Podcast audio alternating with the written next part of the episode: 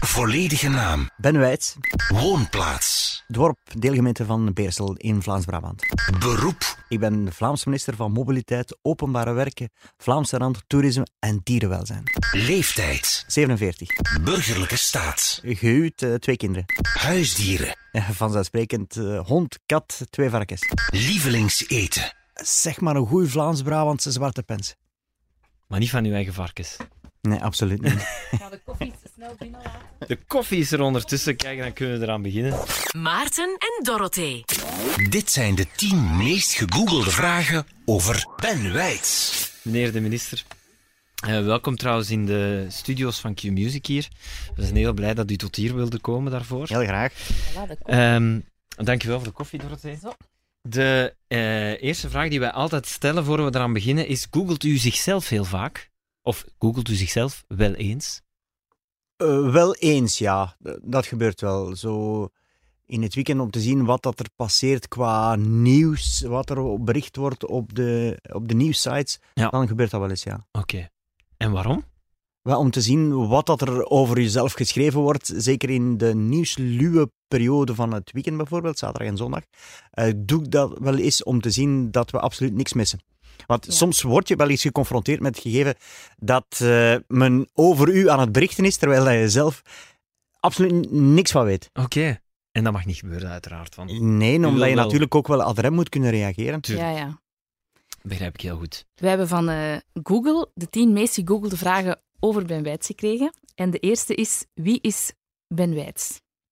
Ben Wijts is een jonge man, ja, eh, man alleszins, eh, die eh, 47 was het, bezig, hè? Ja, Dat is, die niet, dat is bezig niet oud, hè? die bezig is met, met heel wat zaken en graag bezig is met heel wat zaken.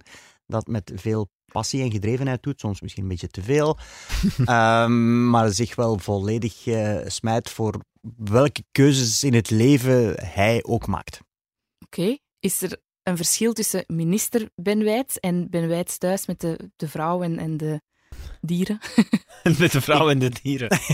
Maar ik, ik hoop van niet. Ik ben ook thuis nog wel redelijk, eh, ik ga niet zeggen kinetisch, maar toch wel redelijk druk bezig. Ik heb niet, geen zittend gat. Ehm, dus ik kan thuiskomen en onmiddellijk van alles beginnen doen. Eh, ik, eh, gisteravond waren wij, ik, het was gisteren eh, Mhm. en hij is nog na de zevende dag geweest, dan nog wat eh, overleg gedaan. En vervolgens moest ik in de namiddag op een event zijn, Antwerpen Proeft, waar ik ook nog diende te koken en, en een kooktest, eh, zo snel mogelijk een omelet bakken. Eh, van, van die zaken. Het hoort er Eh, allemaal maar bij. ik had, eh, voor zulke gelegenheden probeer ik ook wel vrouwen en kinderen mee te nemen. Eh, al dus geschieden, maar dan kwamen we nog laat thuis. Nou, de kinderen toch nog wel wat honger, ben ik eh, nog... eh, Om te snel frietjes nemen of verse frieten beginnen maken. Dus nog Oh. patatten geschild, voorgebakt, afgebakt. eh, ondertussen eh, nog wel verse mayonaise gemaakt. Ondertussen stond ik in het frituur. Ja, wel, maar, maar soms ben je even... Ik ga heel graag naar de frituur, hoor, daar niet van.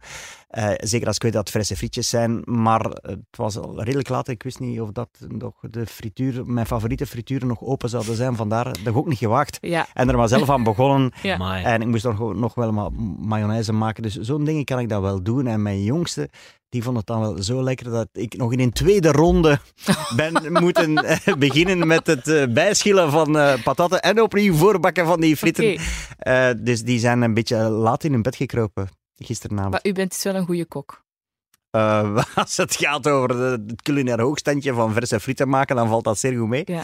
Eh, verder ben ik ehm, pff, een beetje, een, zelfs geen hobbykook, maar ik probeer wel, als ik thuis ben, maak ik altijd eh, zelf eten, maar dat is, daar moet je jezelf niet al te veel bij voorstellen. Ehm, dat is wel heel heftig. Ik bedoel, puur qua hoeveel energie iemand heeft, als je zo echt naar de zevende dag moet en vandaag rush de werkweek weer verder. Is er dan een soort discipline nodig om dat aan te kunnen? Bijvoorbeeld weinig alcohol, veel groente, minimaal aantal uur slaap. Of Is dat dan een soort disciplinair leven dat er wel bij hoort? Ja, wel, dat zijn allemaal leuke uitgangspunten waar ik tegen ik waarschijnlijk allemaal zondig. Eh, maar de- in een ideale wereld is dat wel zo. Ja, je moet een beetje discipline proberen op te brengen. Maar dat is moeilijk. Bijvoorbeeld qua slapen. Eh, ik slaap veel te weinig, dat weet ik ook. En dat voel ik, Ik weet het niet, hoeveel slaapt u? eh? Ehm, ik denk nu al iets meer. Dat zal toch wel een zes uur zijn. Maar ik ben niet zo goed slaper in die zin. Ik ga op een redelijk tijdstip wel gaan slapen. Meestal is dat zo half één of zo. En dan, maar ik ben veel te vroeg wakker, eh, dikwijls. Ah, ja. Maar anders probeer ik wel ja, wat te sporten, maar ook wel wat vol overgave. Probeer ik ook wel twee keer in de week eh, te lopen en een beetje fitness te doen. Ehm, maar en daarnaast wel een beetje op het eten te letten. Ja, ik eet wel vrij veel vis en, en groenten. Ik denk niet dat ik op dat vlak een slecht voorbeeld ben. Oké. Ehm, zullen we de tweede meest gegoogelde vraag doen, vertel? De tweede vraag is, wat doet Ben Wijts? Ik ben vooral in eerste instantie natuurlijk eh, politicus als eh, minister. Ik denk dat ik zo ook gekend ben. Ik probeer ook een, een leuke papa te zijn voor mijn twee kinderen. Ehm, maar we zijn druk bezig met al hetgeen dat, eh, dat zich aandient. Ja. Hoe is dat eigenlijk ehm, gebeurd? Hoe bent u zo in de politiek gerold en bent u uiteindelijk nu Mhm. wie u bent? Ik kom eigenlijk helemaal niet uit de politiek nest of zo. Ik heb eh, thuis was men niet antipolitiek, maar gewoon eerder apolitiek. Men volgde het niet zo op de voet. Maar ik heb op mijn tien jaar eens een eh, de verkeerde boek in handen gekregen. Dat, dat noemde, eh, of dat, dat heette Vertel eens wat over Vlaanderen. Dat is nogal een hagiografisch boekje dat vertelde over de geschiedenis en eh, de emancipatie van de Vlamingen. En ik was daardoor redelijk aangegrepen Ja? eh, over dat, eh, dat onrecht. En dan ben ik steeds meer de, de kranten beginnen lezen. Ik las toen ook al wel de, de krant, dan vooral sportbladzijden, maar dan schuif je, dan krijg je ook plots veel meer interesse voor die, voor die eerste katern in plaats van enkel voor die sportkatern. En eh, zo ben ik dan ook meer beginnen lezen over politiek. En dat als een soort vervolgverhaal beginnen beschouwen. Ik vond dat wel boeiend. En dan op, eh, ja, in de humaniora wel besloten van, ja, toch aan politiek te gaan doen. In de zin van, alleszins op het niveau van, eh, van de studies. En met de ambitie en de hoop om politiek te kunnen werken. Zo, ik dacht als, als universitair medewerker in een kamerfractie of zoiets. Ja, dat vond ik eigenlijk het, eh, de hoogste ambitie op dat, op dat moment alleszins. Echt zo de, het ondersteunende werk voor... Ja, dossierwerk, ja. Ja. Eh, dus dieper graven in politieke dossiers, dat te voorbereiden, dat eventueel ook zo kunnen communiceren. Dus aan de man brengen, maar ook het, eh, het maken ervan zelf. En dat heb ik ook een hele tijd gedaan. Ik ben onmiddellijk na mijn studies, maar ik heb lang gestudeerd, eh, maar onmiddellijk na mijn studies onmiddellijk in de politiek gerold in die zin dat ik gesolliciteerd heb toen bij de, bij de Volksunie. Ja? Ehm, ik ben daar ook eh, snel aangenomen en ook vrij snel kunnen doorgroeien binnen de partij. Ik ben eigenlijk daar begonnen op het laagste niveau waarop dat je als eh, universitair geschoolde toen kon beginnen. Ehm, ik, toen had elke partij nog een vormingsdienst, dus ik organiseerde wandelingen voor de afdelingen en zo van die toestanden en spreekavonden. Maar dan vrij snel doorgegroeid. Ik ben op een bepaald moment ook rechterhand geworden van, eh, van Geert Bourgeois, die toen ehm, mede met mijn ondersteuning ook eh, partijvoorzitter van de toenmalige Volksunie is geworden. Ja. En ik ben toen woordvoerder van de Volksunie geworden en dan hoofd van het politieke secretariaat. En dan zo in de slipstream van Geert Bourgeois ook eh, meegegaan toen hij Vlaamse minister werd. En dan ben ik zijn woordvoerder geweest. Ook zijn kabinetchef. Ik heb die twee jobs ook gecombineerd. En dat was ik- toen nog Volksunie? Eh, wel, toen was de overgang van Ja? Volksunie naar N-VA. Ja. ja. Eh, daar heb ik ook mee aan de wieg gestaan van die partij. Eigenlijk een, een nieuwe partij uit de grond stappen met alle kwaaltjes van dien. Proces van vallen en opstaan, want nu schijnt voor de NVA de, de zon nogal heel eh, hevig, maar wij hebben ook gewoon pure zwarte sneeuw gezien. Mhm. Dus nu eh, zijn wij een grote partij die heel wat mensen aanwerft, maar ik heb ook heel wat zelf mensen moeten ontslagen omdat we gewoon ja, tegenvallende verkiezingsuitslagen. En dat is een beetje een drama. En ik gun geen enkele politieke partij dat hoor. Want ja, politiek is wat men noemt een zero-sum game. In die, de som is altijd nul. Ja, ja. Die, als, je, als één iemand plus één wint, wil dat zeggen dat een ander min één, dat een ander één verliest. Je kan eigenlijk niet groeien zonder iemand pijn te doen. Het is altijd de kosten van iemand anders. Ja. Dat je groeit. Het, is niet, het marktaandeel zijn totaliteit groeit niet. Nee. Eh, dus dat is soms ook zo wel, wat pijnlijk. En je weet ook, er is een tijd van, eh, van hoogtes, maar er zijn een tijd ook van laagtes. Mhm. En dat, alleen dat besef alleen al moet u met je twee voeten op de grond houden. Ja. Dat kan ik me voorstellen. Ja, op dat moment was eh, Geert Bourgeois het enige parlementslid zeker. Ja. Dat was echt zo. En ik was ook toen zijn, zijn rechterhand. Dan waren jullie echt Ja. alleen, hè? Dat herinner ik mij nog zeer levendig. ik herinner mij toen ook de, de hoon van sommigen die Ja. zo dom waren om dan eh, ja, om zich te bezondigen aan leedvermaak. Ja, die piepen nu wel anders. Maar dus ook daar de les bezondig u ook nooit eh, aan datgene waar dat die anderen eh, voor u zich aan bezondigd hebben. De derde meest gegoogelde vraag is: ehm, waar is het kabinet van Ben Wijts? Ja, in Brussel natuurlijk, eh, op het Martelarenplein, waar de meeste Vlaamse collega's zitten. Ik zit aan de ene kant van het Martelarenplein samen met eh Flip Muiters. Flip Muiters heeft het eerste, en ik heb het eerste verdiep, Flip Muiters het tweede verdiep en het derde verdiep van dat gebouw gebruiken we gezamenlijk. Daar, is trouwens ook, daar zijn gezamenlijke vergaderruimtes en ook een fitnessruimte die dan ook eens voor de, ervoor gezorgd heeft dat er het plafond naar beneden is Ja. gekomen. En dan eh, op het bureau van, eh van Flip Muiters is eh, terechtgekomen, alleszins een deel van het plafond. En aan de overkant van het plein, daar eh, zit uh. Ah ja, oké. Ik ben nu eens... u gaat dat niet meer weten, maar ik had het gezien. Ik woon ook in Brussel en u eh, passeerde. En er liep echt een hele eh, groep jongeren rond u die vroegen, mag ik een selfie met u, meneer de minister? En gebeurt dat vaak, dat u herkend wordt en dat mensen zeggen, oh, selfie, selfie, gaan we op de foto samen? Dat gebeurt wel en dat is ook wel plezant. Eh, maar ik moet wel zeggen dat Vlaming is op zich wel een vrij nuchter mens. Dus als je in het publieke leven wordt je toch vrij veel gerustgelaten. Hm. Hm. Ik denk dat dat misschien in, in andere landen toch wel wat anders is. Maar bij ons, ik, ik ga bijvoorbeeld op zaterdag was ik met, met, mijn, eh, met mijn zoontje naar de voetbal. Ehm, dus en dan word je wel wat aangesproken en hier en daar een selfie. Maar dat is het zo wat. Men respecteert toch wel Ja. in groterlei mate uw, eh, uw privacy, vind ik. Hm. Hoe belangrijk is het om echt uw eigen bureau daar te hebben om op uw gemak te kunnen werken? Of is dat eigenlijk met een laptop en een iPhone bent u eigenlijk vertrokken? Of hoe werkt u eigenlijk? Ik werk nogal veel aan mijn bureau, ja. Ja. En ik spreek mijn medewerkers veel op mijn bureau. Ik vind het wel belangrijk dat je daar echt zo een moment ja, van rust is dat niet eigenlijk, maar wel dat je rustig kunt doorwerken.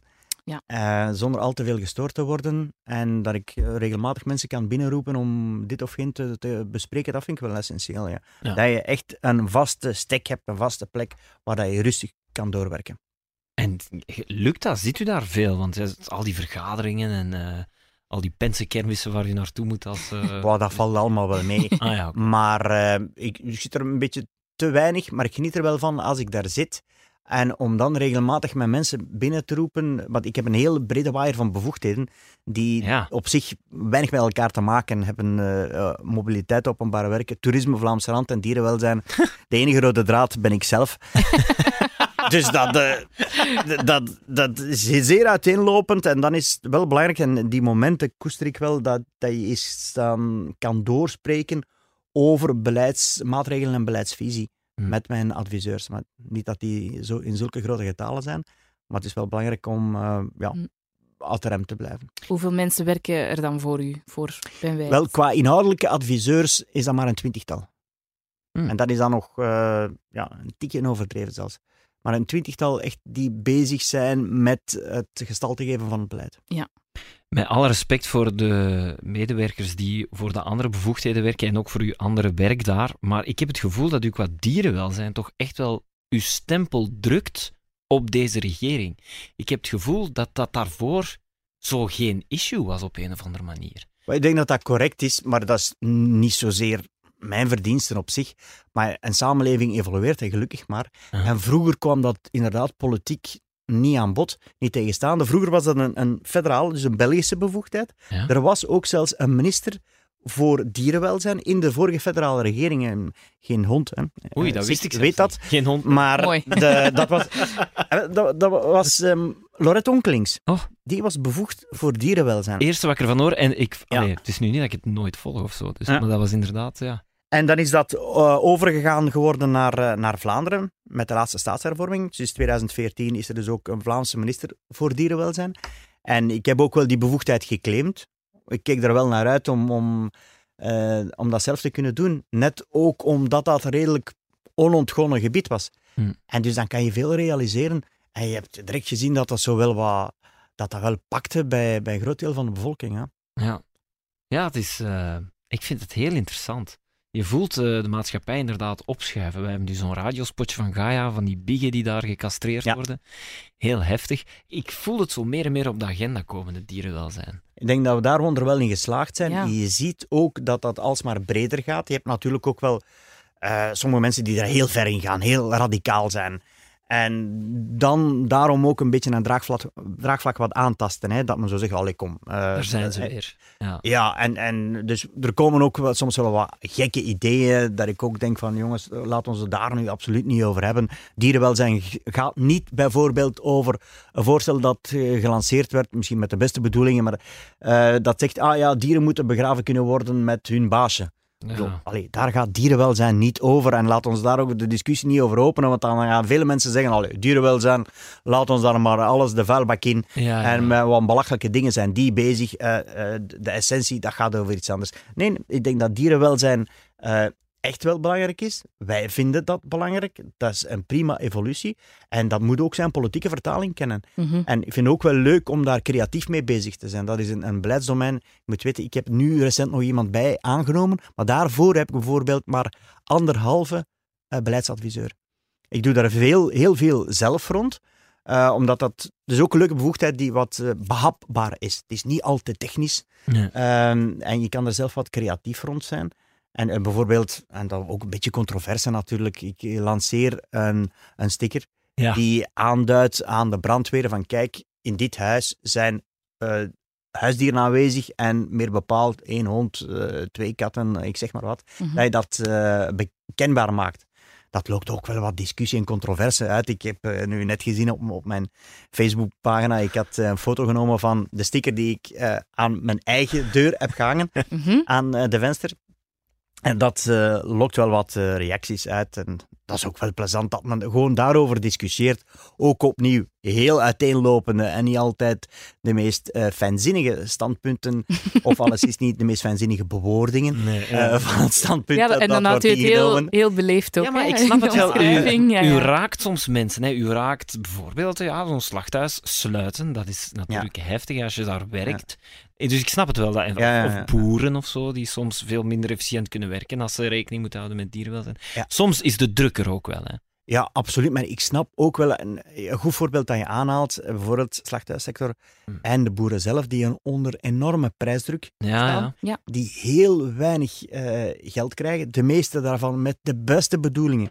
Die, en het klinkt misschien wat, eh, wat ongelooflijk, maar dat die met de beste bedoelingen en met een warm hart die dieren die uiteindelijk geslacht worden ook grootbrengen. Die dat ook doen met liefde. Het beesten klinkt een beetje ongelooflijk. Ja, ja, ja. Ehm, maar, maar, dat, maar dat is wel zo.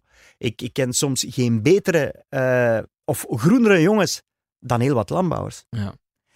Ehm, maar dus zij staan onder een zeer grote druk. En het is natuurlijk uiteindelijk de consument die in deze ook beslist. En ik moet zeggen, daar ben ik toch ook niet te beroerd voor om ook tegen de mensen eens te zeggen en een spiegel voor te houden. Eh diegenen die klagen soms of, of dierenwelzijn aan de kaak stellen, wij als consument hebben ook wel keuzes te maken. Ja. Heel de discussie over de sector van de legkippen. Ja. Wel, je kan dus wel eenvoudigweg ook keuzes maken als consument. Als wij met z'n allen zeggen, ja, maar ik koop nog enkel vrije uitloop, en dat is, code 0, Ja. die op de eieren staan, wel, dan maak je een keuze voor dierenwelzijn. En maak je trouwens ook een keuze voor kwaliteit en voor smaak. Dat is altijd beter. En eh, kies je code 1, wel, dan, dan gaat dat dan over, ehm, over eh, kippen, scharrelkippen. Ja. Maar ook dat... eh allee, Dat is eigenlijk een grote legbatterij, wilt u zeggen. Ja, wel, Zal- de zal ik het maar zeggen? Ja, ik vermijd het toch zelf altijd. Om, ik koop wel altijd nul. Ik ook. Altijd vrije uitloop. Ja, Altijd. ja, wel, Sinds, dat omdat ik vroeger dacht ik scharreleieren, dan dacht ik, ik zag ze daar al rondlopen. Dat is een op- slechte op bewoording. een hè. zonnige boerderij. Ja, Ja. Maar dan heb ik ergens gezien of gelezen Enkel binnen. ja, dat dat dus totaal niet, geen Inderdaad, boerderij is met Ja. zon. Wel, ik, ik was net aan het zeggen, gisteren Ja. moest ik dan een omelet ma- maken en het Ja. was een wedstrijd. En kreeg ik toch niet eh, code 2 eieren voorgeschoteld. Zeg. Oei. Ja. Eh, maar ik denk niet dat ze het daar nog gaan doen, want ik heb het een paar keer opgemerkt. Ja, ja, ja. Ja, maar dat is ook, dat is ook zoiets als politicus. Men duwt u soms in situaties Ja, maar Waarbij ik, vond, ik soms vond dat wel denkt dan van, oh, een leuke gelegenheid om mensen, want Ja. meestal ook mensen ter goeder trouw staan er gewoon niet bij stil om daar eens naar te kijken, want het is niet zo simpel. Het eerste cijfertje, hè, dus die rode eh, eh, cijfercombinatie, Ja? dat eerste cijfertje, dat is 0, 1, 2, 3. Dus je weet dat onmiddellijk al, maar je moet er gewoon Nul. naar kijken. Ja. Wij kopen nul vanaf nu, met z'n allen. Iedereen die luistert. Ik ga ervan uit dat u een grote dierenliefhebber bent. Hè? ja, ik heb er eh, zelf ook wel wat, ja. Ja. Ja, wat Allee, is dat met die twee varkens? Want, eh, allee, Ja. ik heb Want, een allee. hond. Ik heb een hond. Maar ik had dus eigenlijk ook een varken kunnen nemen. Maar het zijn geen echte huisdieren. In die zin het zijn wel eh, vrienden van het gezin, absoluut. Dus ik heb een, een kat uit het asiel en een hond uit het asiel. En ik heb dan twee varkens. Hoe zijn die tot bij ons gekomen? Wel, ik had ervoor kippen. Eh, omdat ik het wel graag een omeletje lust. Ja. Ik snap de link. En Kippen, eh, m- mijn echtgenote had de idee opgevat dat we die kippen beter zouden kunnen beschermen tegen de vossen. Want wij, ik woon gelukkig in een landelijke omgeving. eh, geboren en getogen in het dorp, de groene Vlaamse rand rond Brussel. Eh, dus wij combineren eigenlijk het beste van twee werelden. We zijn niet ver van eh, de grote stad van Brussel, maar toch heel landelijk eh, gelegen in Mhm. het groen. Prachtig mooie gemeente. Maar het nadeel is dat er ook wel wat wild is en onder andere vossen. Mhm. En er is een heuse vossenplaag. Ehm, heel wat kippen van ons waren tevoren al weggenomen door vossen. meestal in verschillende stukjes. Ja. En mijn echtgenote had die idee opgevat, weet wat, als we varkens gaan ehm, laten postvatten bij die kippen, dan gaan die vossen zeker worden afgeschrikt. Wel, eh, zo gezegd, goed zo gedaan. De varkens bijgestoken. Eh, na een week stel ik al vast dat die varkens de eieren van de kippen opaten. dus da- daar hebben we toch wel een kleine fysieke scheiding moeten doorvoeren. Ik heb het onmogelijk gemaakt dat die varkens nog, eh, gelukkig die groeiden als kool, dat die niet meer in het kippenhok raakten. Maar, maar vervolgens ook was het, ook na, na de tweede week waren de kippen alsnog weg. En de varkens die zijn eh, gebleven. Gebleven. Ja. en varkens die leven zo twintig jaar. Wel, die, bij die kippen was het twee weken. Ehm, maar dus ja, de, de remedie heeft de kwaal overleefd. Ja. Oké. Maar dan heeft u dat als kind ook meegekregen. Jullie hadden dan thuis ook dieren, veronderstel ik. We hebben thuis heel veel dieren gehad, eh, Ja. tot en met dus paarden, eh, maar in verschillende fases. Niet, al, niet, niet allemaal tegelijkertijd, maar we hebben paarden gehad thuis. eh, we hebben zelfs een koe, Mina, gehad. Een, ge- een geit en een bok, Janneke en Mieke. we hebben ganzen gehad, eh, kippen, eh, een hond, eh, katten. Ehm, ja, nog veel andere diersoorten ook hoor. Een egel, herinner ik mij. Eh, ja. Ik bedenk mij nu eens dat u, uw varkens ook, hebben die ook zo geen toffe namen? Eh Cotelet en Mignonet eh, is de naam. Maar dat heeft niks te maken met hun voorbestemming eh, of hun finale lotsbestemming. Nee, nee. Dat is het niet, maar we vonden het wel een, knipoog. De vierde vraag is: waar woont Ben Wijts? Tussen de dieren, veronderstel het, dus in het een deelgemeente van Beersel. Ik ben er ook geboren en getogen. En het staat niet hip om dat te zeggen, maar ik ben onder die kerktoren geboren. En ik woon daar nog altijd en ik doe dat heel graag. Ik ben er ook heel erg aan gehecht. Ik voel mij echt geprivilegeerd en probeer dat aan mijn kinderen ook mee te geven dat wij zo ongelooflijk veel geluk hebben van eh, toch dicht bij Brussel te zitten, maar in een heel groene omgeving. Eh, Ja, het is een heel dure streek daarom, ja, veronderstel het ik is ook. hè. inderdaad, we hebben een groot Ja. probleem van sociale verdringing, dat heel wat jongeren en jonge gezinnen moeten verhuizen, Ja. omdat er een grote migratiedruk is van ja, kapitaalkrachtigen vooral, die naar onze regio komen wonen, net omdat het zo vlak bij Brussel is. Hm. En waardoor dat heel wat jongeren en jonge Vlaamse gezinnen moeten, moeten uitwijken. Vandaar dat ik daar ook concrete maatregelen probeer rond uit te Dat is een uitdaging, ja. Ja, bijvoorbeeld om zelfs in te grijpen op de private markt. Om ervoor te zorgen dat eh, jongeren en jonge gezinnen die een band hebben met onze gemeente, met onze regio, dat die eh, voorrang krijgen en zelfs exclusiviteit krijgen, ook op de private markt. Dus heel concreet, wanneer dat er nog grote kavels te koop worden aangeboden, dat minstens een deel van de percelen exclusief wordt gevrijwaard, enkel voor mensen die een band kunnen aantonen. En ik heb daarvoor, Ja. daarvoor is er al een algemene regeling uitgevaardigd geworden, maar die is dan aangevochten geworden voor de rechtbank voor het grondwettelijk hof door eh, toen het, het FDF, dus nu eh, dus de rabiate eh Franstaligen. Die hebben toen wel hun slag thuis gehaald en nu proberen we dat te herstellen, maar ik zoek daar nog naar een politieke consensus. Ja, dat is een uitdaging inderdaad. Ja. Ehm, Bent u vaak thuis? De vraag stellen is eh, negatief beantwoorden. Ehm, eh, te weinig natuurlijk. Maar anderzijds, ja, als je toch probeert een, wat een papa te zijn ook, maak ik er ook wel een eerzaak van om quasi altijd de kinderen 's morgens naar school te doen, bijvoorbeeld. En dat Mhm. kan...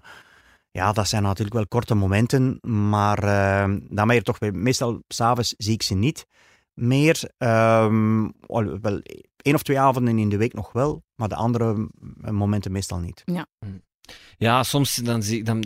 Overlaatst was ik in mijn dorp aan het eh, rondwandelen met de hond en dan zag ik zo eh, een spreekavond. eh, Jan Jan Bon komt eh, naar het dorp.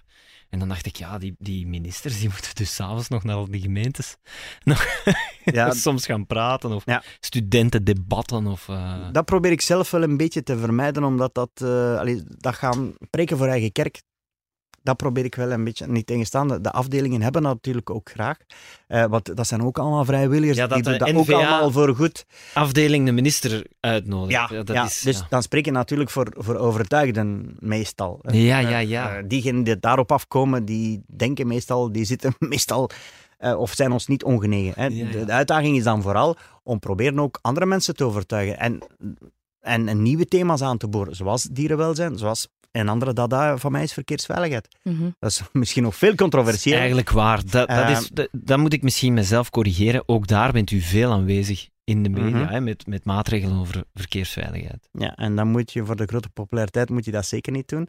Maar dat vind ik ook wel, eh, ja, om op dat, pro- dat vlak proberen eh, de wagens wat te verzetten. En het is echt mijn ambitie om binnenkort te kunnen terugblikken. Dat kan zeggen, maar ja, allee, dat heeft ons nu veel shit opgeleverd, maar ook veel resultaten. Ja. En dat zie je nu wel. We hebben, eh, dus in 2014 zijn we gestart en ik noem het altijd de schande van de 400. Voor het eerst toen een stijging van het aantal verkeersdoden in Vlaanderen, dat we naar 400 gingen, waarmee dat we het eigenlijk veel slechter doen dan alle buurlanden. Zelfs slechter dan de Zuiderse landen, dan eh, Spanje, dan Portugal, Griekenland, eh, noem maar op. En vandaar hebben we dan een Vlaams verkeersveiligheidsplan uitgetekend met een, ook een, huis, Vlaams Huis voor de Verkeersveiligheid. Ik zat er gisteren nog mee aan tafel. Dus breed samengesteld. Echt vanuit de idee, ja, maar we aanvaarden dat niet als samenleving. Dat hier zoveel verkeersdoden, dat hier zoveel mensen sneuvelen in het verkeer. En dus we moeten daar met z'n allen iets aan doen. Dat is niet alleen een zaak van de politiek of, of van de VZW, ouders van verongelukte kinderen. Dat is ook een zaak van de VAB, van Touring, van de transportfederaties, van de camionneurs. Die zitten allemaal mee aan tafel. En eh, dan hebben we een concreet Vlaams verkeersveiligheidsplan uitgewerkt met de vaste ambitie om te zeggen van kijk, vanaf 2014 tot 2020, dus niet zo de stok al te ver weggooien, want dat is gemakkelijk voor eh, tegen Sint-Jutemis een doelstelling voor opstellen. Nee, maar tegen 2020 moeten we gaan naar een halvering van het aantal verkeersdoden. Dus van 400 naar 200 op nog geen zes jaar tijd. Wel, nu zitten we aan een daling, dus we moeten naar min 50%, we zitten nu al op min 27% we zitten op schema. Alhoewel dat eh, ja, het, het laaghangend fruit wordt het eerst geplukt. Dus je moet altijd hoger op de ladder gaan kruipen om eh, een sterke daling van het aantal verkeersdoden te kunnen inzetten. controversieel kan u daarin gaan? Kan u zeggen, vanaf morgen fietshelm verplicht, want we sparen Ja. er vijf doden mee uit. We hebben dat berekend. Dat zijn vijf mensen die u kan redden als u dat nu invoert. Stel, hè? Hypothetisch. Stel, ja, ja, maar, Hypothetisch. Ah, maar dan is er nog een hele discussie over de, Ja. bevo- over de bevoegdheid. Nee, over de bevoegdheid, want dit is België natuurlijk. Oh my god. Ik ben bevoegd voor mobiliteit, maar eigenlijk ook maar voor stukken van de mobiliteit en ook niet voor de volledige wegcode. Dus daar zit ik al moeilijk. Dus ik zit, eh, probeer daar vooral te werken met eh, sensibilisering. Maar het is Mhm. wel een interessante casus, omdat eh, ik dat debat ook al heb gevoerd in het, eh, de schoot van het Vlaams Huis voor de Verkeersveiligheid. Dat is opgeworpen. Ah, jongens, gaan we daarvoor gaan, ja of nee? Dan nog los van de discussie over de bevoegdheid. Mhm. Willen we daarvoor gaan vanuit Vlaanderen, ja of nee? Lang over gediscussieerd. En uiteindelijk het resultaat was, nee, dat gaan we niet doen. En waarom niet? Ook met de Fietsersbond aan tafel, want die zitten ook in dat Vlaams Huis voor de Verkeersveiligheid. Omdat men dan vreest dat uiteindelijk ehm, eh, er een grotere uitstroom gaat zijn van fietsers. En dat je op die grond uiteindelijk meer gaat verliezen. Mhm. Ook op vlak van, van mensenlevens en op vlak van gezondheid. Omdat het nog altijd gezonder is dat veel jongeren gaan participeren, gaan eh, de fiets opspringen. En dat je dat de facto een beetje... Het nou, is altijd wat zeggen schipperen, hè? moeilijk. Ja. Ja. het is altijd, maar dat is wel interessant om keuzes te maken. Ja, En om dat wel overwogen te doen en uiteindelijk te zeggen, maar nee, we gaan het toch niet doen, want anders gaan we te veel jongeren afschrikken van de fiets. En, en dan spreek je vooral over een doelgroep boven 12 jaar. Mhm. Want je weet ook, tot 12 jaar heb je nog iets te zeggen aan je kinderen.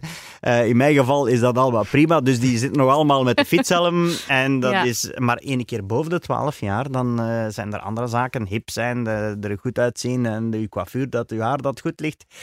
En dat maakt dat eh, we vaststellen dat heel wat jongeren, moest je de fietshelm gaan verplichten, ja, dat die gewoon niet meer gaan fietsen. Punt. Mhm. En dat Mm. die op andere manier naar school zullen gaan. En dan is de vraag, wat heb je dan gewonnen als je eh Ja. iemand tegen elkaar afweegt? Valt, ook, valt iets Maar voor te opnieuw, zeggen ik kan evengoed, en ik zeg dat in alle eerlijkheid, ik kan evengoed het tegenovergestelde standpunt verdedigen. Maar je moet wel keuzes maken op een bepaald moment. En dat is, daarvoor dient ook de politiek. ja. En je- wij moeten dan ook de verantwoording worden geroepen eh, om die standpunten dan toe te lichten. En ik doe dat ook bij deze. Maar ik vind het wel interessant om er gewoon over na te denken Ja. en dan finaal de keuze te maken. ja, we zouden een podcast daarover kunnen Ja, discussiëren. want ik kan nu over de gordel beginnen en dat mensen toen ook niet meer gingen rijden. Ja, en- ja maar je hebt gelijk. maar, ja. maar in ieder geval, het, is, het toont wel mooi aan dat het altijd een balans zoeken is. Ja. Eh, En dat, en dat is het leuke aan politiek ook. Ja. En ehm, dat vind ik de grootste uitdaging is om als politicus keuzes te maken. En dat vind ik, dat doe ik wel graag. Ik denk ook dat, dat ik dat redelijk goed kan. Namelijk eh, de knopen doorhakken en daar resoluut voor gaan en die ook verdedigen. Mhm. En dat Mhm. vind ik, en niet te veel schipperen. Ik denk dat de mensen gewoon nood hebben aan duidelijkheid en openheid. En ik denk dat men altijd begrip gaat hebben, voor welk standpunt dan ook, als je er gewoon aan vasthoudt Mhm. en dat je het gewoon eh, maximaal mogelijk, zo duidelijk mogelijk probeert uit te leggen. We zaten bij de, de vierde vraag. Waar woont Ben Wijts als u thuis bent? Wat doet u dan het liefste als ontspanning?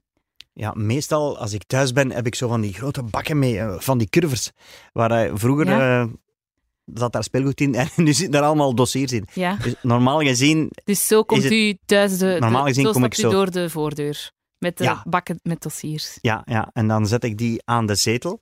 En dan begin ik daar eh, in, in mijn dossiers, en, maar op, ru- op een rustige manier. Dat vind ik ook wel een zekere ontspanning ook, van mij gewoon in de zetel te zetten en, en een glas wijn te nemen en dan die, ehm, die dossiers af te werken en dan ja, die, die verdomde iPad eh, en die sociale media en die e-mails eh, lezen, want ook dat is voor ons vooral een geestel. Hè. Dan moet je niet onderschatten hoeveel berichten dat wij krijgen en hoe veel eisend de burger op dat vlak wordt. Hè.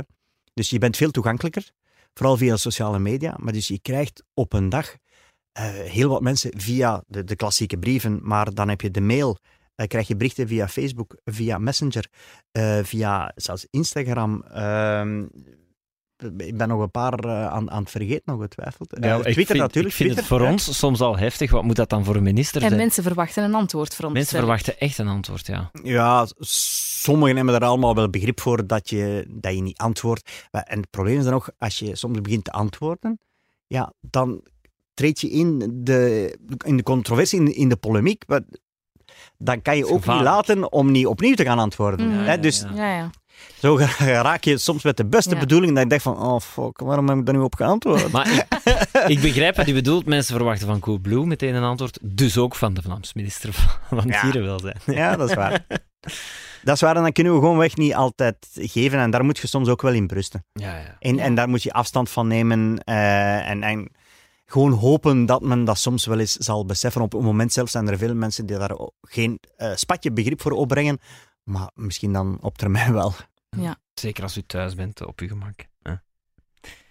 Ehm, de vijfde meest gegoogelde vraag is: eh, wie is de vrouw van Ben Wijts? Dat is iets wat mensen interesseert, blijkbaar. Ja, wel.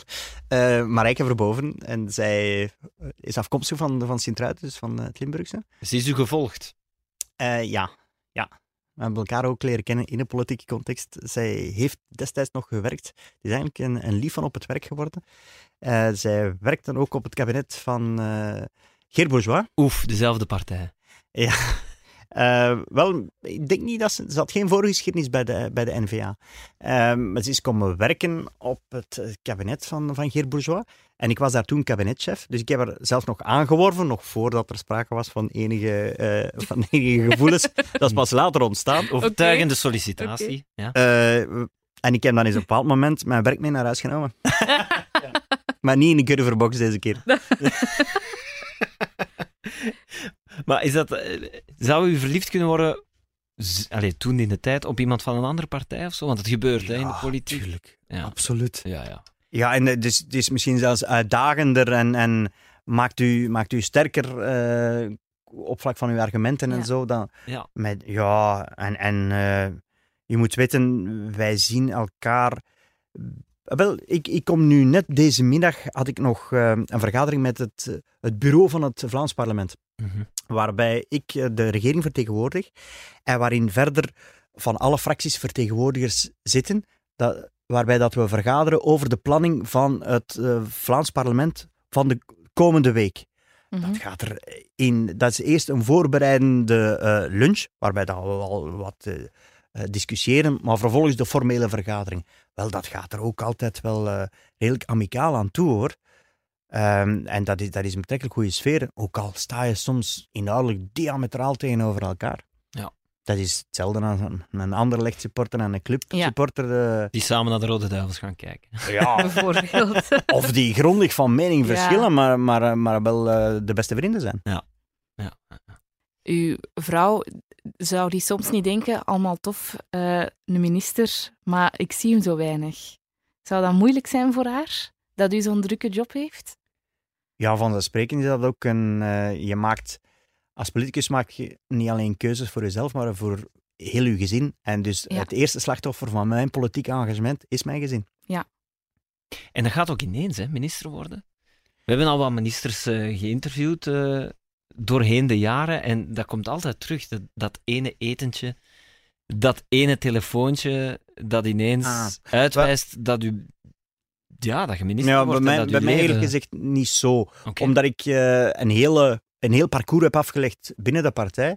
Ja. Van de laagste sport op de ladder eh, als, als medewerker helemaal doorgegroeid. En ook alle achterkamertjes en, en zo leren kennen. Mhm. En op een bepaald moment ben ik dan, en dat, pas op, ik ben pas parlementslid geworden in 2009 eh, voor het eerst. En dan eh, ja, in 2014 minister geworden. Maar ja, wel heel wat watertjes doorzwommen binnen de partij. En ik prijs mezelf daar ook wel heel gelukkig om. Namelijk van heel traag, nee, nee, nee niet traag, maar wel eh, gegroeid te zijn binnen de partij en altijd eh, zo naar, naar boven gegaan. Mhm. Maar niet als een als snelle raket, want ja, zo'n zo'n raket kan ook snel crashen. Mm. Maar gewoon stilletjes aan eh, naar boven gegaan en toch alle stages doorlopen. Met als gevolg denk ik dat je soms ook wel wat eh, steviger in je schoenen staat. Hm. Ik, ik wens het eigenlijk niemand toe van gewoon volledig buiten de politiek in één keer gedropt te worden in de politiek. Mhm. Eigenlijk mag je dat niet altijd, een, eh, een mens die dat je graag ziet, mag je dat niet aandoen. Ja. En dat meen ik oprecht. Ik denk dat, omdat van buiten de politiek eh, weet men soms ook totaal niet. Zelfs, zelfs veel journalisten weten niet hoe dat het echt allemaal in zijn werk gaat. En dat is geen kwestie van eh, dat je daarvoor slim moet zijn, maar je moet gewoon wel weten hoe dat besluitvorming tot stand komt, welke eh, elementen dat allemaal spelen. En tegen dat je dat doorhebt als eh, nieuwbakken politicus, nieuwbakken minister, en dan ben je al een jaar verder hoor. En ondertussen heb je misschien toch al wel wat eh, verkeerde keuzes of verkeerde beslissingen Ja. genomen. Mm. Ja. Gewoon omdat je niet weet hoe dat, het, hoe dat het echt werkt. De zesde vraag is eigenlijk al een beetje beantwoord. Heeft Ben Wijts katten? ik heb eh, één eh, kat, een asielkat, zo'n een gezellige dikke kater. Mijn, eh, mijn kinderen hebben die gekozen in het asiel. Dat was de, de kat die, die hen het eerst tegemoet kwam, die eh, tegen de kinderen aanschurkte en dan keek zo van, eh, zit het, zijn we weg? en de, de tweede fout die ik dan toch wel gemaakt heb, is dat de kinderen, maar toen waren ze nog eh, hm, eh, vijf jaar en drie jaar, denk ik, die hebben ook de naam gegeven aan de kat. Dus Pom Pom. Eh. Gewoon omdat dat zo het, de huisknuffel was van de, de klas. Eh, van een van de twee kinderen, ik weet niet meer van de welke, maar een van de twee kinderen. En dan moest dat ook de naam van de kat zijn. Eh, dat was de, de, Een uitstekende knuffel keuze. van, Pom pom. ja, ja, ongelooflijk. En ik kan u inbeelden, ik woonde toen in, eh, in Huizingen, in, meer, in een dichter bebouwde omgeving. Als je dan als minister op je dorpel voor je huis staat te roepen, pompon, pompon, dan denken de buren wel, de minister is een beetje van het padje. Dat kan ik me voorstellen. Wat is eigenlijk uw lievelingsdier? Nu begint het op een vriendenboekje Wel- te lijken, hè? Ja, nu is het een beetje een bizarre... Ik besef Ja. dat het een bizarre vraag is, maar ik dacht, kom. Ik, Maar, ik geloof ook zo niet in, in het onderscheid tussen, tussen honden en kattenmensen. Want ik dacht Nee? ervoor dat ik eh, eerder kattenmensen, als je dan toch moest kiezen. Maar ik heb nu een, eh, dus een, een Duitse scheper, ook uit het asiel. Sherry, Ja. we zijn die pas gaan halen toen hij vier jaar was. Ehm, nee, mensen zijn altijd wel wat bevreesd van, oeh, wat gaat dat worden? Een Duitse scheper, toch wel eh, een Mhm. serieus beest. Nu je niet En van vier jaar. ja. Ja. Eh, en dat is heel, heel goed uitgedraaid. En dan denk ik van, ja, dan ben ik misschien toch een, een, hondenmens. Want eh, allee, we doen dat eh, heel goed samen. Bij deze toch ook een oproep. Hashtag adopt, don't shop. Ja, wel vanzelfsprekend. Je hebt zoveel keus in de asielen. Ik ben nu bezig, maar er is wel me vallen opstaan, want we hebben heel veel asielen in Vlaanderen. Ik denk een 120-tal. Immens, hè? 120 asielen in Vlaanderen. Dat is. Eh, Zoveel, ja. Maar ik probeer nu ervoor te zorgen dat eh, wij al het aanbod, het alle asielen uit Vlaanderen op één website krijgen. En zodoende dat je geen enkel excuus niet meer hebt om te zeggen van ja, ik ga toch niet naar een asiel, want ja, ik weet niet, hebben ze daar zo'n eh, een, een labrador eh, in beige zoals ik graag zou hebben. Nee, dat je dat allemaal gewoon op één website kan zien, het aanbod van alle asielen in Vlaanderen. Het probleem is een beetje dat die allemaal vandaag ofwel geen Ja. website hebben, ofwel hun eigen website hebben en daarvan eh, niet zo graag dat, willen, dat systeem willen opgeven. Dus da- daar zijn we nu nog aan bezig.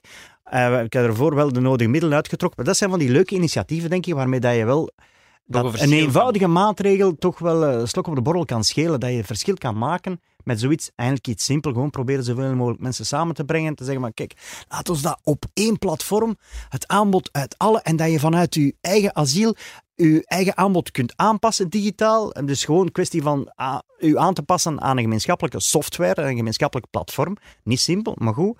Eh, maar dan heb je geen enkel excuus niet meer. Als, eh, als je een hond of een kat wil aanschaffen of een ander dier, wel gewoon even surfen naar die website en je kan perfect zien.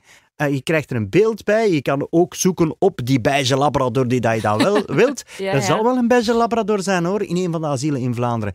En je kan onmiddellijk klikken, eh, bekijken en naar het asiel gaan Ja. en kennis maken met, eh, met die labra- labrador in kwestie en zien of dat, dat iets, Ja, iets ja. kan worden. En een eh, enorm verschil maken voor dat beest zijn leven. Hè. Ja. ja. De zevende meest gegoogelde vraag is: eh, van welke partij is Ben Wijd? Nee. Ja, de mensen Ja. weten het niet. Ja, de NVA, en dat Ja. zal ook altijd wel zo blijven. Ja. Ik ben er ook wel eh, ja, mm, eh, erg aan gehecht en mee, verk- aan, aan, aan, Verknocht. mee verknocht ja, met die partij, omdat ik ook de, het einde van de volkszin heb meegemaakt en dus ook het begin van, eh, van de NVA. Dus ik beschouw me toch ook een beetje als eh, ja, deel uitmakend van mijn beleid. Ik heb zo ooit eens ergens gelezen dat het makkelijker is om vrienden te maken buiten uw partij dan binnen uw partij. Klopt dat? Mm, Ik zou het niet weten. Nee, ik geloof het niet. Ik heb heel veel vrienden eh, binnen de partij. Want En ook dus heel veel mensen die ook... ook ehm, die, ik zie iemand als Geert Bourgeois zie ik ook regelmatig buiten eh, partijpolitieke gelegenheden om. Ah ja. Ja. Ah, dat zou ik niet verwachten, want ja, oef, het is al zo. Mijn kinderen zeggen eh nonkel Geert. Nee! Echt waar? ik, ik, ik weet niet wanneer dat we daar eens mee zijn begonnen, maar Geert, geweldig. maar, eh, een van mijn kinderen vroeg het over laatst. Papa, waarom zeggen wij eigenlijk Geert? Die, die was op zoek naar een familieband. Ja. Oké, ja, dat zegt, dat zegt heel veel, ja, Ja. inderdaad. Dan, eh, dan... Maar ik zie Theo Franke bijvoorbeeld ook wel eh, regelmatig. En, ook Theo. eh, Nee. nee. dat is niet onkel Theo, dat is gewoon Theo, ja. En zo zijn er heel wat mensen, eh, gelukkig maar, ja. Spreekt u Bart Wever heel veel? Ja, Ah. ik kom nog net van eh, deze ochtend van een vergadering met hem, ja. Ah ja, oké. Ja. We hebben hem ook geïnterviewd eh, voor deze podcast en we hebben ook gezegd tegen hem, maar het is toch druk, hè, het is toch druk. Eh, en hij zei ook, ja, ik weet, ik wou eigenlijk al lang stoppen met voorzitter, maar ik, eh, ziet u de N-VA ooit een andere voorzitter hebben? Want ik Ja. zie het niet. Ja, tuurlijk. Zou het iets voor u zijn? Ja, alles is vergankelijk en ik heb een, een hele tijd dan, zogezegd, in pole position gelegen om in die schoenen te gaan stappen. Er is veel ruimte in die schoenen.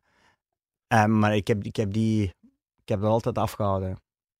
Nee, ja, ik- dat is ik zijn probleem. Hè. Iedereen ja. houdt het altijd maar af. Ja, maar ja, natuurlijk. Ja, en hoe langer het duurt, hoe, hoe moeilijker Ja. het ook wordt hè, om hem op te volgen. Ik denk vind er ook niks, eerlijk gezegd, niks fout aan dat iemand lang een politieke partij voorzit. De andere politieke partijen vinden dat een probleem. Ja, dat kan ik geloven. Omdat ze vinden dat dat net een van onze grote troeven is. Ja. En daarom stelt men dat het voorzitterschap van Bart eh, in vraag. Maar mijn god, eh, al was het tot het eind zijn er dagen. eh, als hij dat, zolang dat hij dat wil blijven doen, Ja. Ah, dan zouden wij toch dom moeten zijn om, om die kans te laten liggen. Maar kijk naar het buitenland. Er zijn heel wat politieke partijen die heel lang doen met de voorzitter. Maar dat zijn zo van die problemen die wij ons soms laten aanpraten. Hm. Ik vind dat Bart Wever als voorzitter en als langstzittende voorzitter is geen probleem. Dat is een rijkdom. En een ongelooflijke troef. En dus eh, met troeven, dat is zoals in het kaarten, je moet die niet al te snel afgeven. Zullen we naar de achtste? Ja, ik vind die heel raar. Hoe komt hij Ik- er eigenlijk op? Wat, eh, Ik, Google, eh, ik snap Ja? het eigenlijk wel. eh, Ja? Heeft Ben Wijt zijn rijbewijs? Ik, wij horen nu toch wel vaak eens zeggen van ik ga Ja. met de fiets of ik, ik breng de kinderen met de fiets naar school. Dus mensen vragen zich misschien af, is dat bewust of heeft hij zijn rijbewijs niet? Grappig. Of misschien heeft dat te maken met de hervorming. Dus in het kader van eh, het streven naar minder verkeersdoden hebben we ook een grondige hervorming van de rijopleiding. En dus van het rijexamen ook. eh, opnieuw, eh, daarmee maakt je niet ongelooflijk populair. Eh blijk eens mijn mailbox. Maar ehm, ja, ik heb mijn rijbewijs en ik heb, dat, ik heb dat op latere leeftijd gedaan. want Ik heb heel lang zo met een, eh, met een bromfiets eh, rondgereden. En ik, ik weet niet hoe oud ik was. Ik zou mijn rijbewijs eens moeten bekijken welke datum erop staat. Maar de, ik, ik was wel in één keer eh, geslaagd. Ah ja, Zowel voor het theoretisch als voor het eh, praktisch. oké. En was trouwens, dat bij ik u was, eigenlijk, Maarten? Ik weet dat niet van u. Twee keer theoretisch, één keer praktisch. Ah ja. ik was trouwens het eh, theoretisch rijexamen, ik was dat glad vergeten. Ja, als student, hè. Daar heb je het zo druk om aan al die andere dingen te denken. Van, ik moet nog op café gaan. Eh, en dus ik was glad vergeten en de avond ervoor eh, beginnen blokken. En ik heb toen een nachtje doorgestoken. Ah ja, oké. Ben rechtstreeks eh, van, van achter de, de boeken van het rijexamen onmiddellijk naar het examen zelf Ah, gegaan. ja. En met goed gevolg. Ik was er ook wel eh, allebei meteen door. En eh, toen dat ik dat deed, kon je zo op een website al testjes doen. Ja. Je kon zo het rijbewijs eh, testen. Ja. En ik heb dat eigenlijk gewoon opnieuw en opnieuw gedaan. Totdat ik voldoende haalde. Ja. Dus ik heb nooit een boekje gelezen of zo. Ik ben gewoon altijd dat. Maar ja, Ah, maar ja, dat is ook dezelfde een manier. natuurlijk. Ja. Ja, ja, absoluut. Ja, ik heb gewoon niet goed geleerd en dan wel goed geleerd. dus eh voilà, zo eenvoudig was het. Geen punten voorlopig op het rijbewijs. Hè. Geen rijbewijs, met punten met punten, opnieuw standpunt. Een eh, bevoegdheid. dat niet leidt tot een directe eh, grote resultaten in de politieke poppel.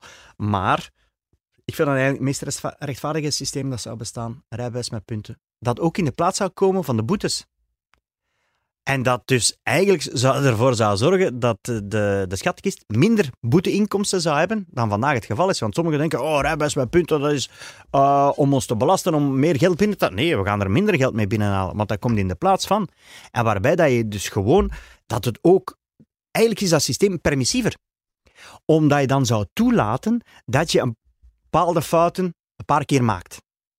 Tot op een bepaald moment dat je zoveel negatieve punten hebt bereikt dat je je rijbewijs verliest. Hmm. Maar ondertussen wordt het wel door de vingers gekeken en dat je fouten maakt. Wij zijn allemaal mensen. Ik maak ook fouten als ik rij. En ik zit er ook soms wel eens over. Dat is des mensen. Daar gaat het niet over. Maar dus dat je uiteindelijk op de iets langere termijn en dat we mentaliteitsverandering tot stand brengen, dat je een bepaald rijgedrag dat je er niet kan afkopen.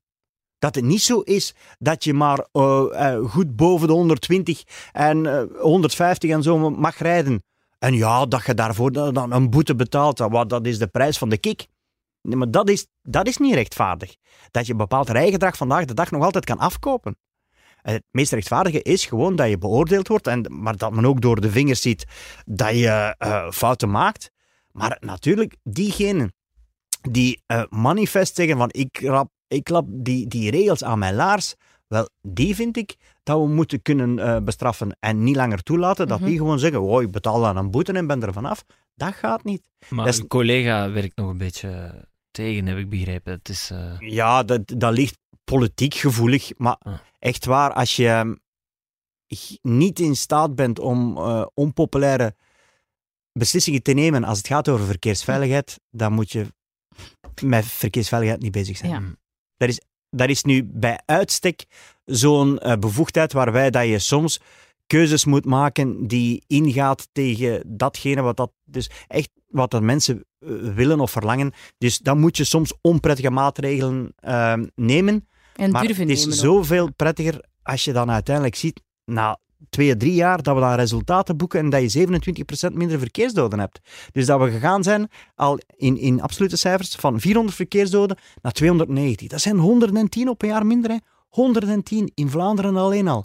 Ja, dan mogen ze mij nog eens een kwaaie mail sturen, hè. Mm.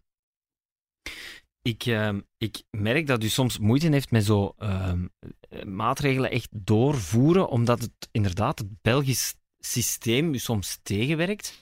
Maar ik denk dat het ook gewoon iets moeilijker geworden is om heel de strijd om, de Vlaam om- Vlaanderen onafhankelijk te krijgen en dus die besluitvorming vlotter te krijgen, om dat te verkopen aan de mensen. Dat, dat mensen daar schrik van krijgen van onafhankelijk Vlaanderen. Dat is, dat is juist, omdat, dat is ook omdat dat zo abstract is. Hè. Omdat- Dat is een focus die jullie toch Ja. verle- Dat wordt u toch ook soms een beetje verweten door natuurlijk de harde Vlaamse achterban en misschien Aha. ook door de, de, de andere politieke partijen, dat, u, ja, dat het daar eigenlijk zo niet meer over gaat. Heel stiekem. Maar, maar dat is ook geen doel op zich. Ah. Namelijk Vlaamse zelfstandigheid. Dat is geen doel op zich.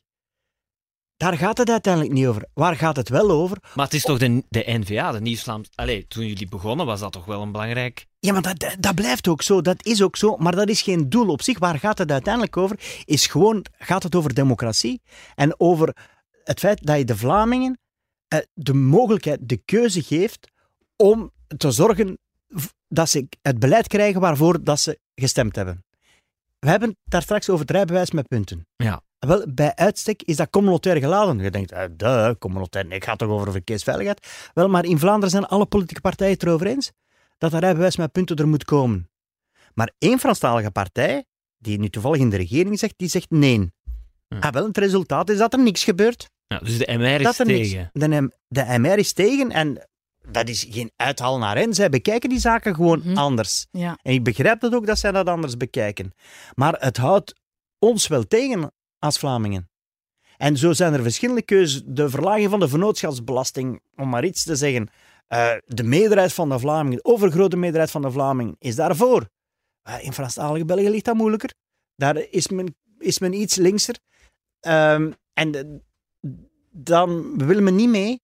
Ah, maar ja, kijk, dan houdt ons dat wel tegen als Vlamingen. En ik vind, en dat is mijn Vlaams nationalisme, ik vind gewoon dat, we, eh, dat de Vlamingen het beleid moeten krijgen waarvoor dat ze stemmen. En nu zitten wij eigenlijk, want Albel mogen nog niet klagen als Vlamingen nu, nu heb je een centrumrechtse federale regering die vooral een beleid uitvoert dat meer aansluit bij hetgeen dat leeft in Vlaanderen. Tervoren had je een beleid gedomineerd door de PS en dus meer afgestemd op de noden in Wallonië. Maar zo heb je altijd een van beide gemeenschappen die eigenlijk malcontent zijn en die perfect reden hebben om malcontent te zijn.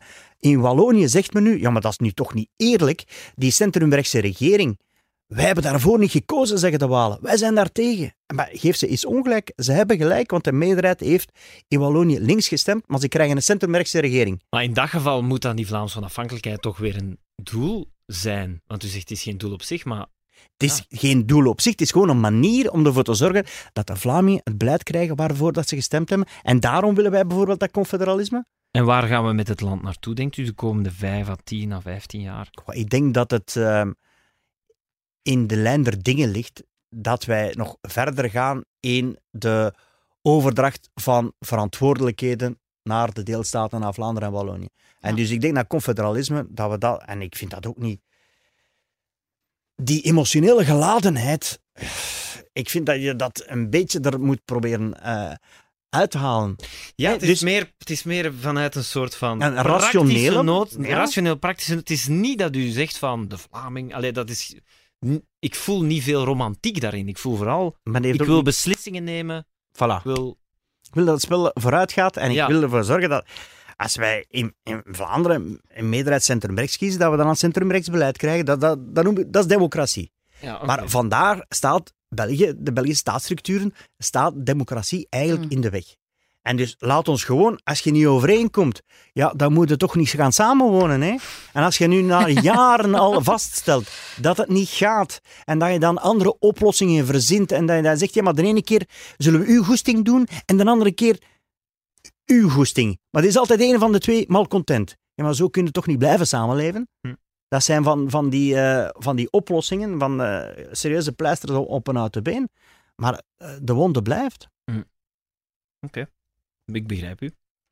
En ik vind het interessant om daar ook nog eens een keer over door te Ja, ja. praten. Ja, maar bedankt het- voor de vraag, want inderdaad, het is al een tijdje geleden over. dat ik ze nog kreeg. Het gaat er weinig over. En, en nu, ja, omdat we nu toch bezig waren met van welke partij is mijn wijs en u was er van aan het begin bij, vond ik het toch interessant om dat toch eens... Ik vind het interessant dat, het geen, dat er geen romantische grondslag in zit. Dat u geen... eh, En wat ik vooral interessant vind, is dat we eens over essentiële beginselen discussiëren. ja, Over essentiële uitgangspunten. En dat doen we misschien ook veel te weinig in... eh, dat er geen tijd voor is. Een levende podcast. Ja, maar dat is ook. Vandaag heeft men eh, het regelmatig over polariseren. Je mag niet polariseren. Dat zeggen vooral diegenen ten opzichte van de anderen die dan een standpunt innemen dat niet het hunne is. Eh, maar de polarisering, allez, à volonté, laat, eh, laat de meningen maar, maar botsen en eh, laat het maar knetteren. Maar het is natuurlijk de manier waarop Ja. je de debatten voert. Ja. Daar gaat het over. Niet over wat je, eh, wat je al als argumenten gaat aanhalen. Mm. Hè, heel het debat over identiteit is toch razend, eh, razend interessant en onze de oplossingen die dat we naar voren schuiven. Daarvoor kan ik de podcast met Bart Wever aanraden, meneer de minister, die Ja. daar lang over heeft doorgebabbeld, Ja. over de, de identiteit van, Mhm. eh, van de Vlaming. Dus dat, kan, dat moet u zeker eens doen. De tien meest gegoogelde vragen zoeken op uw podcast-app. Ehm, wij gaan ondertussen naar de negende vraag. de voorlaatste. Wat heeft Ben Wijts gestudeerd? Ja, dooddoener. Ik heb politieke wetenschappen gestudeerd. Optie politieke wetenschappen. Hoe nerd kan je zijn? Eh, eh, maar, maar ik heb heel la- lang gestudeerd trouwens. Door dat boekje dat u als kind in handen kreeg. Eigenlijk wel, Eigenlijk ja. wel, hè? Want daarvoor was ik nog eh, boswachter of landbouwer worden. ik was sterk begaan met, met het groene karakter, ook in mijn gemeente. En ik ging zelfs van die bordjes ophangen, keimelig, van verboden te storten, getekend de natuur. Oh! Mooi. maar de... Dus zo er engagement heeft, altijd, er al, ik heb nog altijd sterk eh, groen hart. engagement heeft er dan altijd in gezeten. Dat is dan toch zo'n beetje... Ja, ja, Ja, Ja, natuurlijk wel. En zo u werpen voor een bepaalde keuze Ja. en dan met, met passie en gedrevenheid doen, daar, daar heeft er altijd wel in gezeten. Ja. Dus in, in, eh, in het dorp woont u, hè? Ja. Dat zou een, een, een NVA-groen coalitie, dat zou wel, zou wel maar bij ons in de groene Vlaamse rand, dat is niet toevallig dat we het zo noemen, is er toch ook een sterke groen bewustzijn. Omdat Ja. bij ons, we hebben een heel mooie groene landelijke omgeving, maar die wel sterk onder druk staat. Ja. En eh, ook die, die Vlaamse strijd bij ons in de rand is een echt eh, een groene en sociale strijd. mhm. waarbij dat we met leden ogen moeten aanzien dat het sociaal weefsel ook onder druk komt te staan. Je hebt twee belangrijke gevolgen van die migratiedruk. Is enerzijds veel eh, jongeren, jonge gezinnen die moeten uitwijken en buiten de gemeente gaan wonen. Maar twee, ook het eh, sociaal weefsel dat onder druk komt te staan. Het verenigingsleven, omdat heel, er is een grote migratiedruk. Dus er komen veel mensen toe, er gaan veel mensen weg. Mensen blijven niet zo lang bij ons. Dus participeren ook niet gemakkelijk aan het Nee, ja. verenigingsleven. Ehm, en dat staat echt onder, onder druk, dat sociaal weefsel. Ook in, in de scholen, de ouderraden. Ehm, om bijvoorbeeld anderstalige ouders ertoe te bewegen dat ze niet alleen een keuze maken van hun kind naar een Nederlandstalige school bij ons te sturen, maar dat ook wel een keuze is voor onze lokale gemeenschap. ja. En dat je dus ook wel moet participeren eigenlijk, bijvoorbeeld aan die ouderraad. En dat er niet altijd hetzelfde moeten zijn. Bleef u ook in de lokale gemeenschap als student of bent u op kot gegaan? Ik ben op kot gegaan, maar ik heb dus wel eh, heel lang gestudeerd. Eh, ik kon mij dat ook permitteren, omdat ik mijn studies altijd zelf betaald heb. Ik ben eh, een jongen die na zijn eerste jaar aan DUNIF met eh, slecht gevolg onmiddellijk gezegd heb, weet wat, aan thuis van, je moet voor mij niks meer betalen. Ehm, ik ga alles zelf financieren, ook mijn levensonderhoud. Dus ik heb sindsdien eigenlijk dan eh, niks meer gekregen. En ik heb elk weekend gewerkt in de horeca. Elk weekend, alle vakanties ook. Maar dus ik werkte van zaterdagochtend tot eh, dus vanaf een uur of tien tot één uur s'nachts. En dan de zondag opnieuw en zelfs nog langer. Dus ik werkte heel veel. Ik verdiende dan ook heel veel, want ik werkte wel vol overgave en eh, heel hard. Ik verdiende heel veel en dan moest je in de week moest je dat geld nog opkrijgen ook. Eh, want ja, niks is zo verleidelijk van eh zelfverdiend geld te laten rollen. Met als gevolg dat ik het ook druk had in de loop van de week. Eh, en niet zozeer met eh, studenten, eh, allee, wel met studenticoze-zaken, maar eerder dan met, met studiezaken. Ja, oké. Zullen we naar de laatste vraag gaan? Ja, ik denk het wel, ja. We tikken ook al het uur aan. dus, Ja, ehm, de tiende en laatste, want misschien heeft u nog een drukke agenda vandaag ook. ja. Mm, Ook de vraag stellen is eh, Ja, niet sorry, sorry, sorry, we gaan de laatste vraag stellen, dan zijn we erdoor. Is Ben Wijd supporter van Anderlecht? Ja hoor, ook van kleins af aan. En ik doe dat ook zeer passioneel. Ik, eh, ik ben ook een vast abonnee. Ah ja. Maar niet op de tribune of zo, gewoon op, de, op mijn vaste plaats. Eh, en ik doe dat vol overgave, dat is verstand op nul. En dat vind ik fantastisch. Bent u blij met Mark Koeken? Ja, dus eh, we hadden echt een, een fundamentele verandering nodig. Ik Ja. denk dat Anderlecht een beetje eh, de duppen is van de wet van de remmende voorsprong. Mhm. Die zin, Anderlecht is altijd de club geweest die het verst voorop stond in zaken de professionele organisatie. Mhm. Maar is dat de laatste tien jaar die voorsprong absoluut verloren? Is mijn misschien een wat harde analyse, maar ik denk wel dat, eh, dat ze correct is. En dus de toekomst ziet er goed uit voor Anderlecht. Ja, maar er moet wel ook qua het interne huishouden, moet er denk ik nog wel wat, eh, heel wat veranderen. Ook op vlak van de beslissingsstructuren. Maar ik denk dat Anderlecht gelukkig nog heel veel potentieel heeft. Dus als ik op de, op de tribune zit, eh, Mm. naast mij zitten eh, Antwerpenaren, West-Vlamingen, Limburgers. Dus Anderlecht heeft nog altijd zulke aantrekkingskracht. En daar moeten we, we zitten wel op een kantelmoment, denk ik. Die aantrekkingskracht moeten we nu absoluut koesteren en behouden. Want dat kan ook rap weg zijn. Het grote nadeel bij Anderlecht is dat dat een club is waarvoor dat de mensen van ver komen om goed voetbal te zien. En als je dat niet kan leveren, dan zijn die supporters ook weg. Dus het Ja. feit dat die van verder komen, ook een minder grote emotionele band hebben met de club, ja, maakt ook dat die het snelst afhaken. Wanneer dat je niet kan deliveren, wanneer dat je geen eh, mooi voetbal eh, kan tentoonspreiden. En dus ook eh, geen mooie resultaten. Praat u daar soms over met Mark Koeken? Of heeft u hem al eens gebeld of, of met hem gesproken? Of blijft u echt gewoon supporter op uw vaste plek? ik, ik blijf supporter op mijn vaste plek. ehm, maar ik ehm, wil hem nog, toch nog wel eens eh, spreken, maar geef hem nu nog even, Ja. nog even de tijd om in te lopen. Zeker nog enkele maanden. Maar ik kan me voorstellen, ik kan me inbeelden dat ehm, zijn ervaringen toch wel van een iets andere aard zijn. eh, als jij vergelijkt tussen Oostende en Anderlecht. Ja, ja. Oké. Boeiend om te zien hoe Ja? dat eh, evolueert. Dan zijn we erdoor door de tien meest gegoogelde vragen. Maarten heeft altijd nog een laatste elfde vraag. Een heel kleintje. Ehm, wat is uw levensmotto? Dan een hele simpele. Doe wel en zie niet om. Ja. En als je s'avonds kan gaan slapen en kan zeggen van, zelfs al is het totaal in het honderd gelopen, van dat je kan zeggen voor jezelf van, ik heb mijn best gedaan. En morgen is er weer een dag. Voilà. Dank u wel, meneer de minister. Dank u.